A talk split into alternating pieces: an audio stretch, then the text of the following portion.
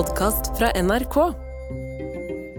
Det er ikke sånn at nå bøtter jeg nedpå pils og setter meg i bilen og kjører for å eh, svindle penger via et skatteparadis. Eh, men det er allikevel deilig å ikke være en maktperson som er nødt til å tenke på det hele tiden. Samfunnsredaktør i E24, Torbjørn Røe Isaksen, har kjent på en ny frihet. Og den frihetsfølelsen inntraff nok ganske nøyaktig da Erna Solbergs periode som statsminister var over, og han la bak seg åtte år med flere tunge statsrådsposter. Torbjørn har vært her tidligere, delt et ganske drømmende dikt av Stein Meren, og nå er det min tur til å dele et dikt med ham. Og da, når jeg skulle finne dikt, begynte jeg å tenke på alle politikerne som har havnet i hardt vær, i pendlersaker og habilitetsspørsmål, og på hvor stor forskjell det er på å stå i stormen og det å ha et rolig og alminnelig liv.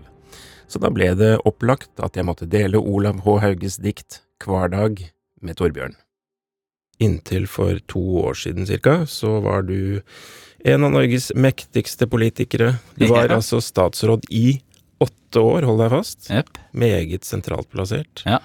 Og så endret du tilværelse. Det er interessant. ja, det er kanskje det. Ja. Jeg vet ikke, Er det ikke noe interessant? Jo, det er jo litt interessant. Det må jo være litt interessant.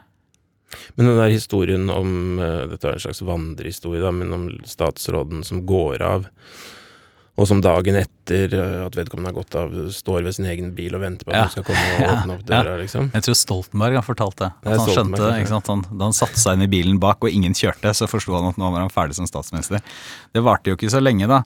Eh, nei, det, det er jo et råd eh, som jeg hørte fra Kristin Clemet, og det Jeg tror det var hun som formulerte det og sa at eh, eh, det er tre faser som statsråd. Først så føler du deg eh, utilstrekkelig, så føler du mestring, og så føler du deg, føler uunnværlig. Altså ingen andre kan gjøre dette like bra som meg. Og når, når du når det stadiet, så er det på tide å gå av. Men, men Stoltenberg også skal visstnok ha fortalt statsrådene sine at du er sta, eks-statsråd mesteparten av livet.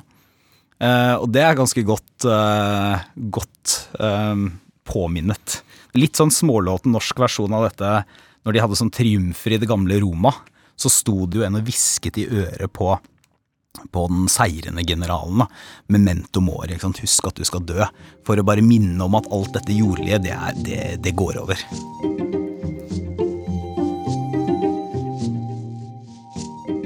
Det var så jeg har gått hen og valgt et dikt som jeg håper vi kan kaste litt lys Altså, jeg tenkte på deg, og så tenkte jeg på det diktet med en gang. Å ja, det er gøy. Ja. Olav H. Hauge jeg har skrevet det, og det heter Hverdag.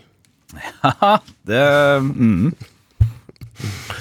Går an å leve i den, har jeg hørt. Ja, det gjør det. Mm. Skal, ja, vi får se hvordan dette går. Jeg leser det.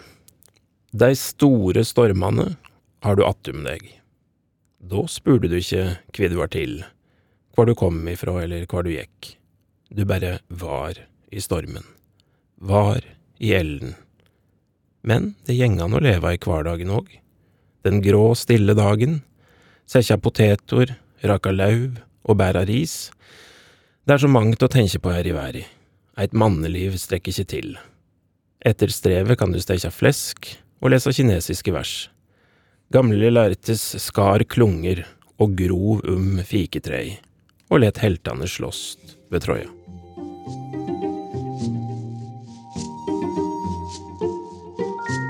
Dette kjente du åpenbart til fra før, da. Ja da, ja da. Eh, Det er et veldig flott dikt, det. Hvorfor ler du? Nei, du, jeg ler av flesk.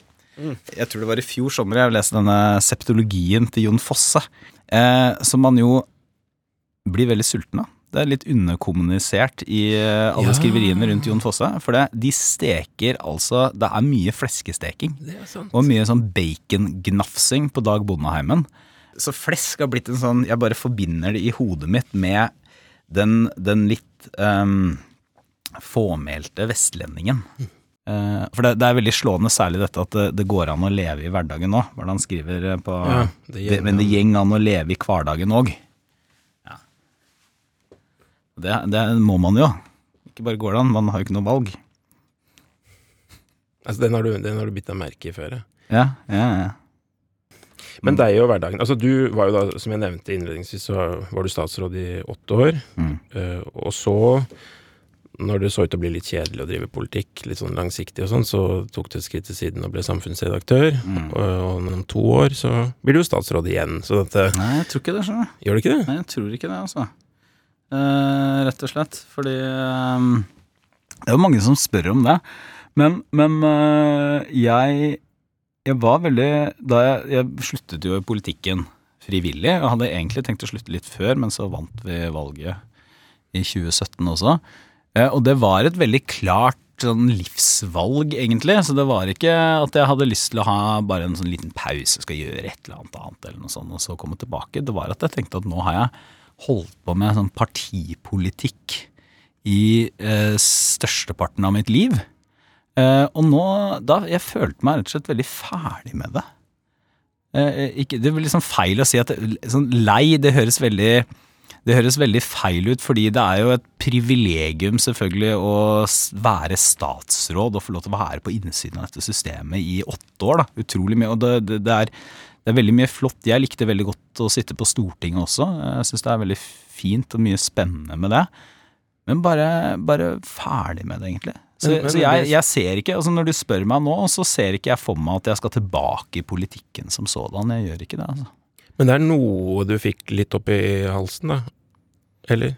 Ved Ja, men ikke så mye oppi halsen som mer Altså når du har gjort noe i eh, veldig lang tid, da. Eh, selv om jeg var, jeg var åtte år i regjering og fire år på Stortinget, men så hadde jeg vært leder i Unge Høyre før det.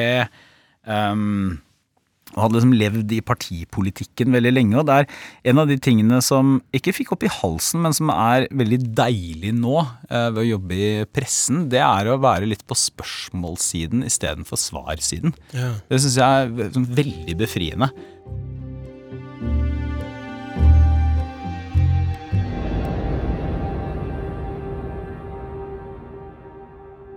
Jeg tror dette diktet handler mer om alderdom, egentlig, enn det handler om eh, Men jeg, jeg føler at det treffer dette med de store stormene har du bak deg, og, eh, og da eh, spurte du ikke hvorfor, hvorfor du var til, eller hvar du kom ifra, eller hvar du gikk. Altså det er et eller annet med å stå Når du står i stormen, så må du bare gjøre akkurat, akkurat det som en storm krever. Hvilke feil har du gjort igjen, da? Jeg tror ikke vi har tid til å ta alle sammen, egentlig. jeg kan, jeg kan ta, ta, ta noen eksempler. Da. Altså, jeg var jeg på et seminar som Nicolai Tangen, eh, som nå er eh, sjef i oljefondet, hadde i Philadelphia. Jeg var invitert. Eh, da var jeg næringsminister, og det var i og for seg helt, det var ikke noe feil å være der og sånn. Men da var det et par ting jeg gjorde som rett og slett som, som jeg bomma på, eller var feil. Eh, Blant annet så hadde jeg ikke jeg burde ha ført opp på, på stort, ref eh, Ola Borten Moe-saken som går nå, Stortingets register og sånn, så skal du egentlig føre opp noen utenlandsreiser også. Og så var det, var det ikke en del av mitt offisielle program, og det ga det jo en sånn slags sånn eim av noe som man prøvde å skjule litt og sånn. Som var typiske sånn bommerter, da. Pendlerbolig, den, eh, der fikk jeg også en smell, faktisk. For det, vi har, eh, så jeg måtte betale en sånn straffeskatt på jeg tror det var litt over 100 000. eh, Mye penger. Du ble litt Eh, stressa du òg, da du skjønte at det var Nå gjelder dette meg. kanskje. Kjempe, kjempestressa. Selvfølgelig. Selvfølgelig. Veldig fint dikt om hverdag, dette her, da. Og hverdagen din må jo ha endret seg ganske drastisk etter Ja. at du sluttet som statsråd. Ja. Er det, har du et sånn eksempel på noe som har, har blitt veldig annerledes?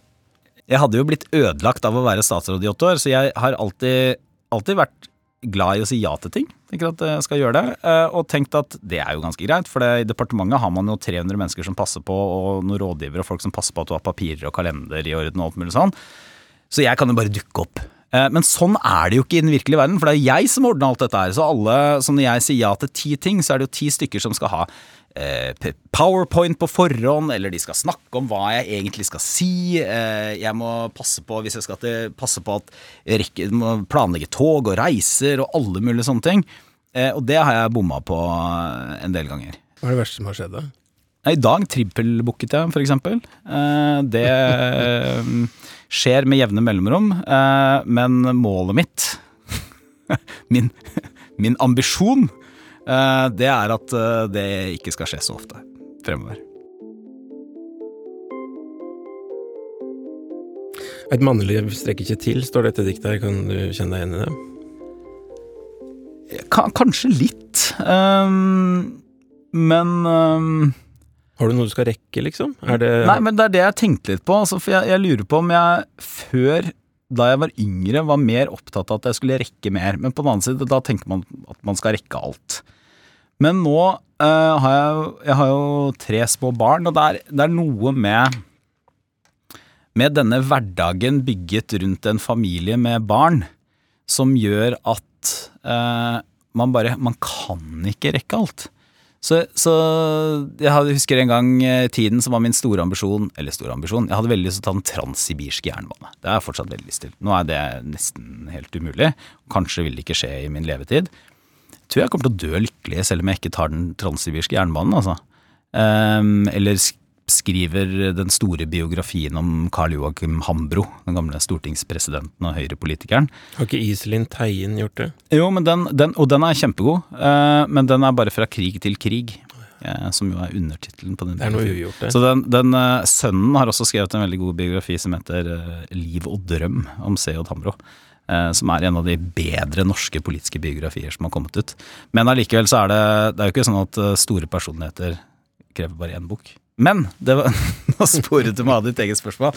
Nei, men det, er noe, det er noe veldig øh, fint å og ehm, på en merkelig måte med tre ståkete barn beroligende ved at man ser verden går videre, og man ser barna vokser opp. Og er, mitt tidsbegrep er jo nå knyttet til dem.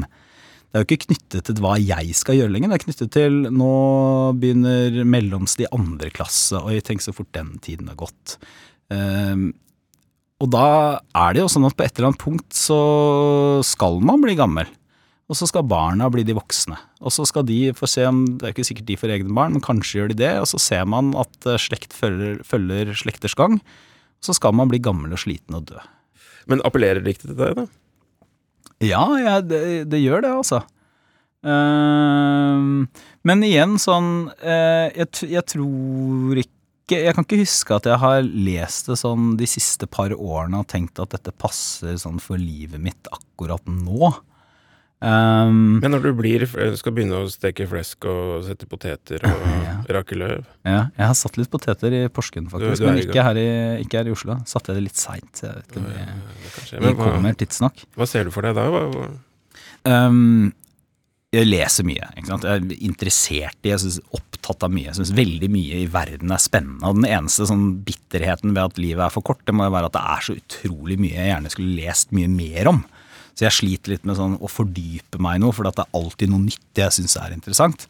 Um, men, på, men, men så er det jo en eller annen tanke der også om at de, alle disse tingene som jeg leser om og er opptatt av, at jeg skal få brukt dem på en eller annen måte. Eh, og det er ikke sikkert at jeg sånn, brukt dem i jobbsammenheng, men at jeg skal på en eller annen måte sånn, jeg skal tenke noe nytt av det, eller det skal, jeg skal kunne bruke det i en eller annen sånn, sånn, Sitere et dikt ved en eller annen super anledning. Sånn åh, den strofen, det passet perfekt akkurat nå, og det kunne Men eh, etter hvert så blir jo eh, Når livet går mot slutten, så har man jo ikke noe man egentlig skal bruke det til. Bortsett fra å kalle inn barn og barnemann til å holde sånne miniforedrag, da som jo er privilegiet til eh, eldre menn. Eh, og man får lov til det lite grann, håper jeg, når man er 45 også. Som jo er forløperen til mansplaining, da, som vi dessverre kaller det i dag. Men er det litt sånn at dette diktet ikke handler så mye om at du har sluttet som statsråd, men litt mer om alderdom for deg? Det, det var min assosiasjon, i hvert fall. eh, både når jeg hørte det nå, og jeg tror jeg har hatt det før også. Fordi jeg forbinder dette med Eller ser for meg at dette er en gammel mann som ser tilbake, som har funnet roen. Så Det var liksom min assosiasjon, at her er det her er det tiden egentlig som har kommet eh, skikkelsen eller karakteren til Hauge til hjelp. Ikke, Hauge var ikke statsråd på noe punkt. Nei, han var ikke det. Han var eplebonde i, Han var eplebonde i Hardanger.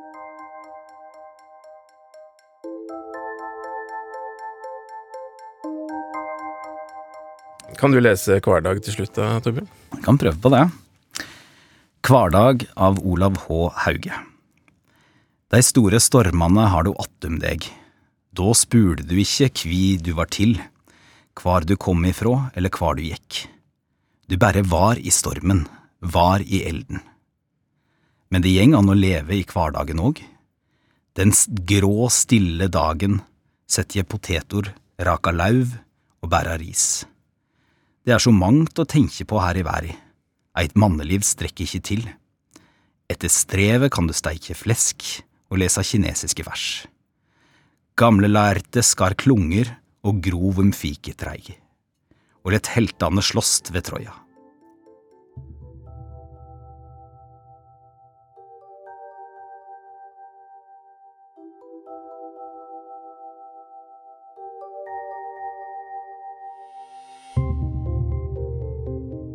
Del gjerne denne episoden av Brenner deler dikt videre med en venn. Det gjør du meget enkelt i NRK radioappen.